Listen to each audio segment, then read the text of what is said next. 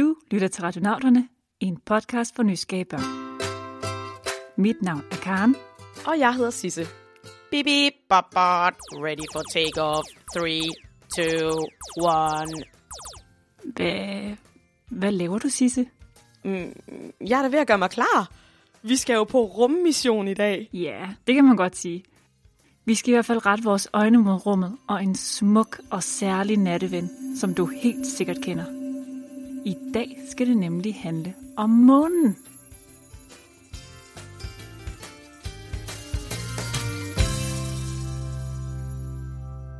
Hej, jeg hedder Johannes. Jeg kommer fra Aarhus, og jeg er 8 år. Og mit spørgsmål er, hvad er månen lavet af? Hej, jeg hedder Palle, og jeg er 6 år gammel.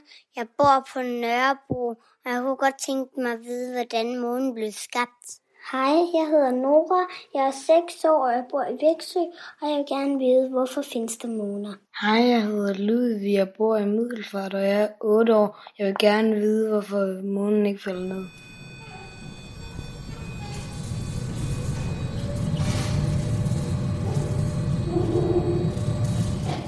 Hvad er det for en lyd? Det her er lyden af et tag, der åbner sig ude midt på en mørk mark. Vi er nemlig på et observatorium. Et observ... Hvad for noget? Et observatorie er et sted, hvor man kan kigge på stjerner. Et observatorie, det, er, det, det placerer man gerne et sted, hvor der er rigtig mørkt. Og det er for, at vi ikke får lys, blandt andet, der forurener nattehimlen, så vi bedre kan se stjernerne. Ham, der taler her, hedder Marty. Og han er en af dem, der kigger rigtig længe på nattehimlen. Jeg hedder Marti Holst Christiansen, og jeg er astronomisk naturvejleder på Observatoriet Brorfelte. Og det er også her, vi sidder nu. Så vi er oppe på toppen af bakkerne, hvor vi har Danmarks største teleskop. Så herude der ser vi jo på stjerner. Så Martis job er professionel stjernekigger. Det lyder som et drømmejob. Og måske husker I, at vi flere gange før har mødt en professionel stjernekigger. Og sådan en hedder en astronom. En astronom, det er en, der studerer nattehimlen. Der er mange forskellige afgrene af, de her, af det her felt. Så det kan, det kan både være stjerner, men det kan være planeter, og det kan være galakser, som er samling af stjerner. Så der er, der er mange muligheder. Og en af de ting, som astronomer studerer, er selvfølgelig også månen. Altså, når jeg kigger op på himlen, så kan jeg jo godt få øje på månen og alle stjernerne. Men de ligner jo bare små lysende prikker. Ja, og alle de prikker er alle de stjerner og planeter, som vi mennesker kan se med det blotte øje. Hvis man er heldig, kan man se helt op til 5.000 stjerner på en klar nat. Men astronomerne har brug for et endnu skarpere kig på himlen, og derfor bruger de et teleskop. Ah, det var det, som Martin nævnte før. Men hvad er det egentlig, det kan? Jamen det smarte ved et teleskop er, at det, det samler simpelthen lyset. Og det kan jo så samle meget mere lys, end det vores naturlige medfødte øjne, som også små teleskoper kan. Så mine øjne er små teleskoper. Sejt. Ja, men de er så små teleskoper. Hvis man har et meget større teleskop, som de har på observatoriet Brofelte, så kan du se meget længere ud i rummet og komme meget tættere på. Kan man så komme helt op til månen?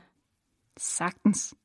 For månen er faktisk ikke så langt væk. Selvom det kan synes som om, at månen den er langt væk, så er det faktisk ikke så langt væk igen.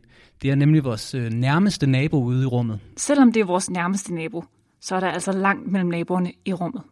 Månen befinder sig gennemsnitligt 384.000 km væk fra jorden. Og når jeg siger gennemsnitligt, så er det fordi, at månen den bevæger sig ikke rundt om jorden i en perfekt cirkel. Så nogle gange er den lidt længere væk, og andre gange er den lidt tættere på. Okay, 384.000 kilometer er altså lidt længere, end jeg har til min nabo. Så månen er altså stadig ret langt væk fra os her på jorden.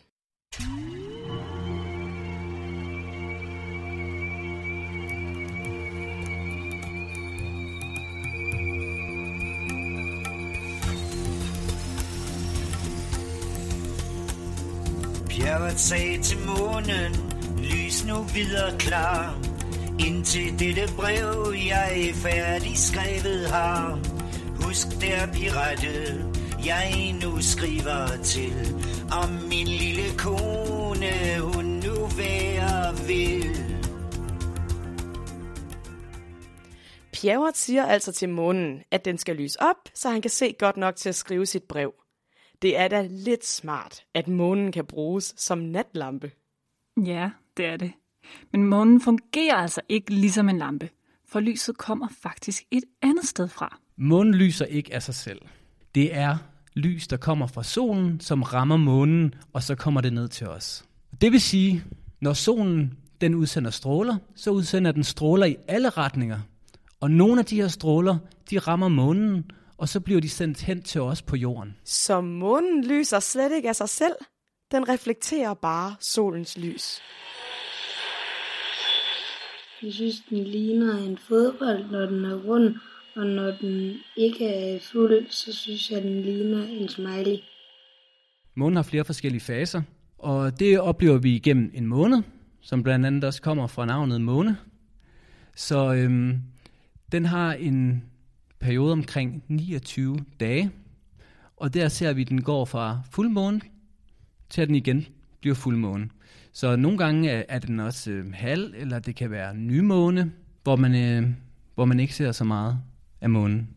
Så når månen har kredset om jorden en hel gang, så er der gået en måned. Mm. Og når jorden har drejet om sig selv en gang, så er der gået en dag.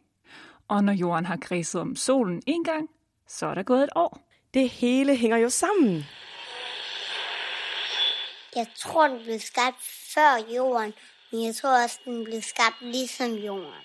Altså bare sådan med en masse sten, som er blevet sat sammen ligesom jorden. Jeg tror, månen er lavet af meteorer, der er blevet sat sammen. Jamen, der har været nogle forskellige teorier om, hvordan månen er blevet dannet. Og den de fleste tror på øh, nu til dags, det er, at der har været et objekt, en planet, på størrelse med Mars, som har stødt ind i den tidlige jord. Og når de stødte ind i hinanden, så er der blevet slynget noget materiale ud. Og det her materiale, det har så dannet sådan en ring rundt om jorden, og så er det lige så stille stødt ind i hinanden igen, det her materiale, og så er det klumpet sig sammen, og til sidst har det så dannet månen. Så Johannes er altså ikke helt gal på den. Både Johannes og Palle har altså ret i, at der var noget stort, der stødte ind i vores tidlige jord. Det må jo have set helt vildt ud, dengang en planet bare hamrede ind i jorden.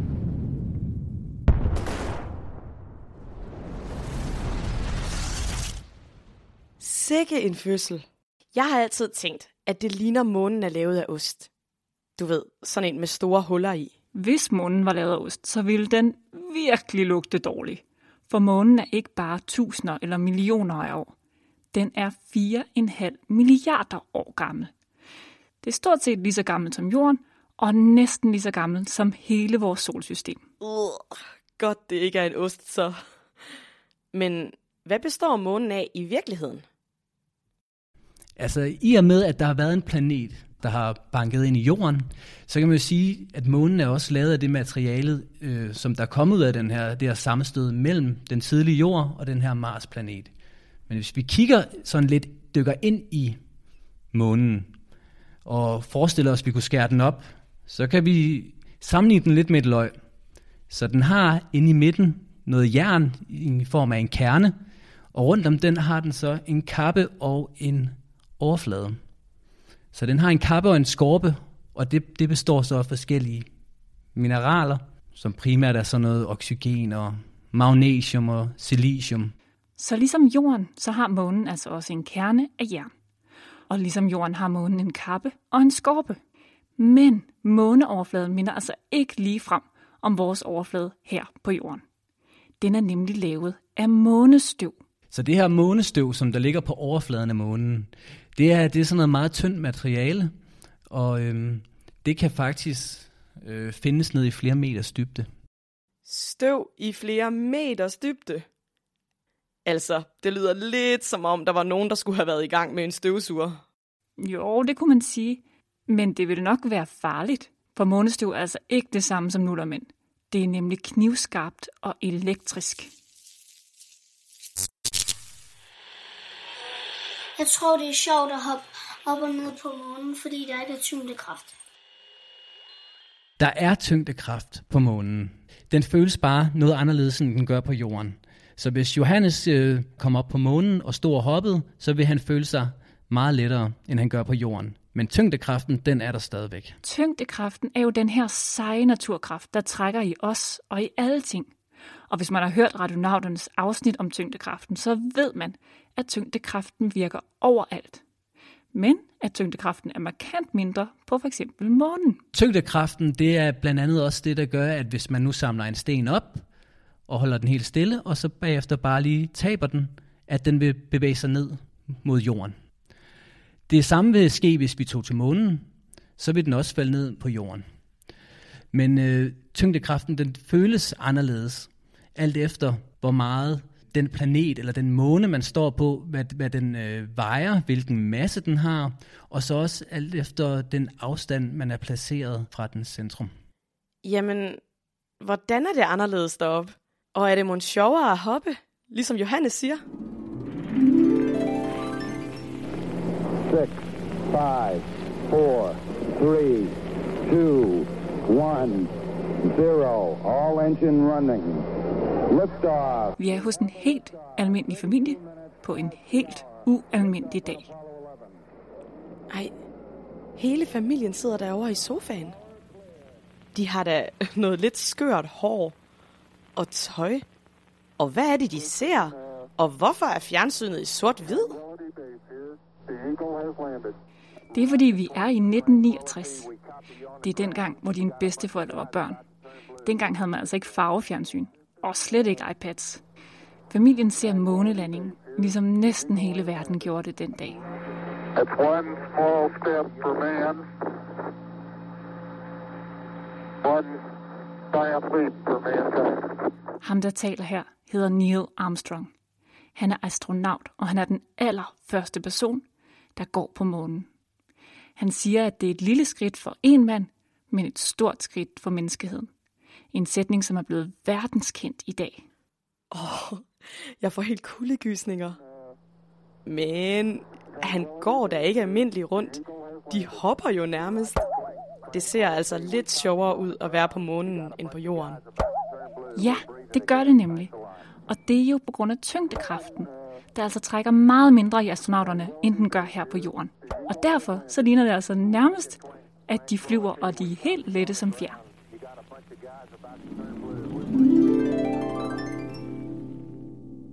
Nu får jeg helt lyst til at rejse op på månen og hoppe rundt.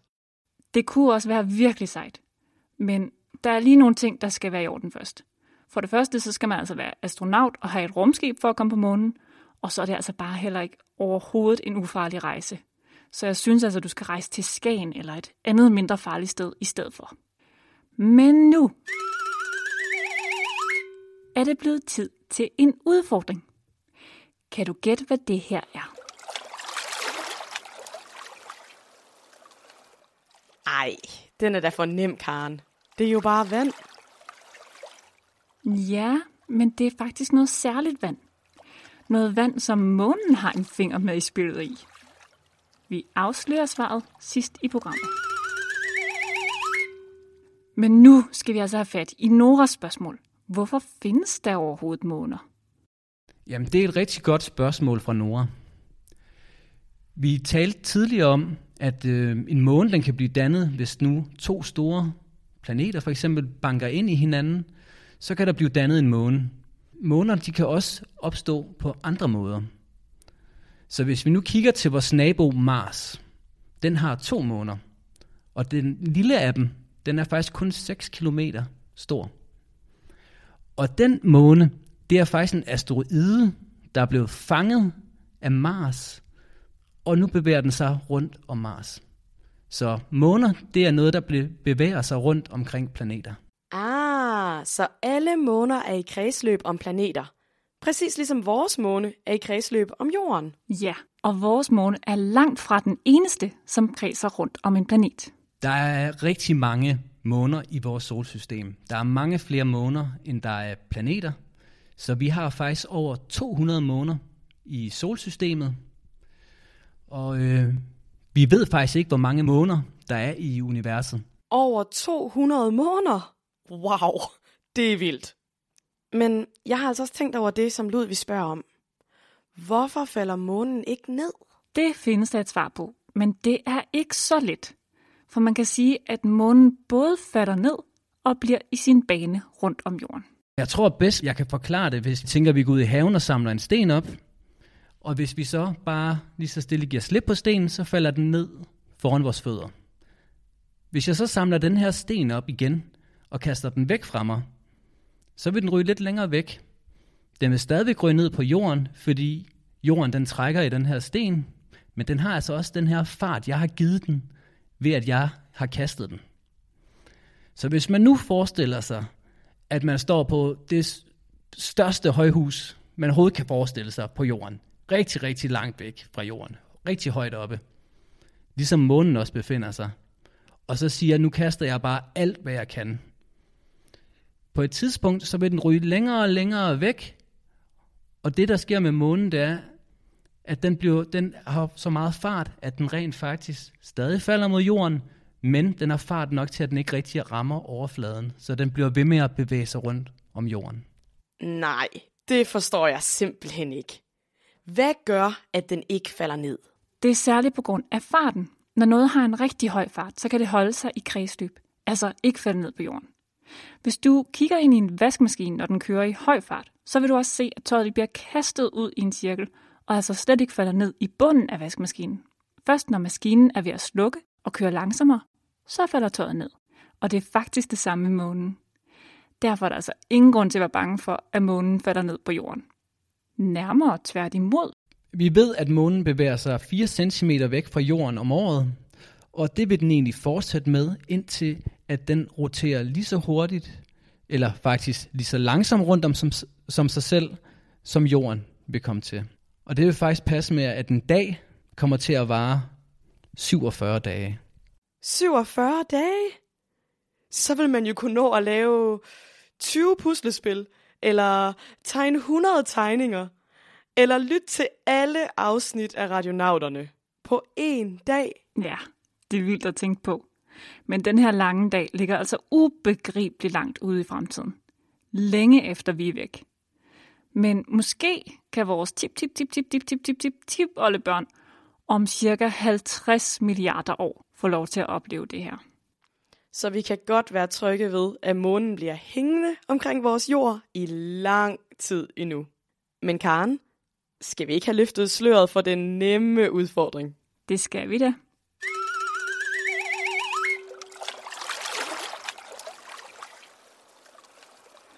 Har I gættet, hvad det er for noget særligt vand? Det er tidevand. Ebbe og flod kalder man det også. Og det er simpelthen sådan, at månens egen tyngdekraft trækker i vandet, så vandstanden stiger her på jorden. Så jordens tyngdekraft holder månen i kredsløb, og månens tyngdekraft trækker i vandet på jorden. Det er lidt vildt.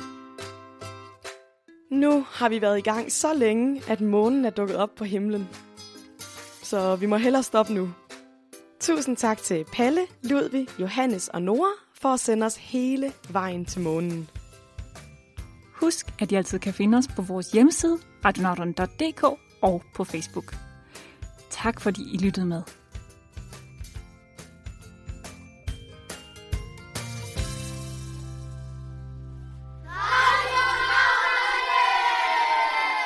Afsnittet er produceret og redigeret af Karen Birkegaard og Sisse Gramte Fris med støtte fra Novo Nordisk Fonden.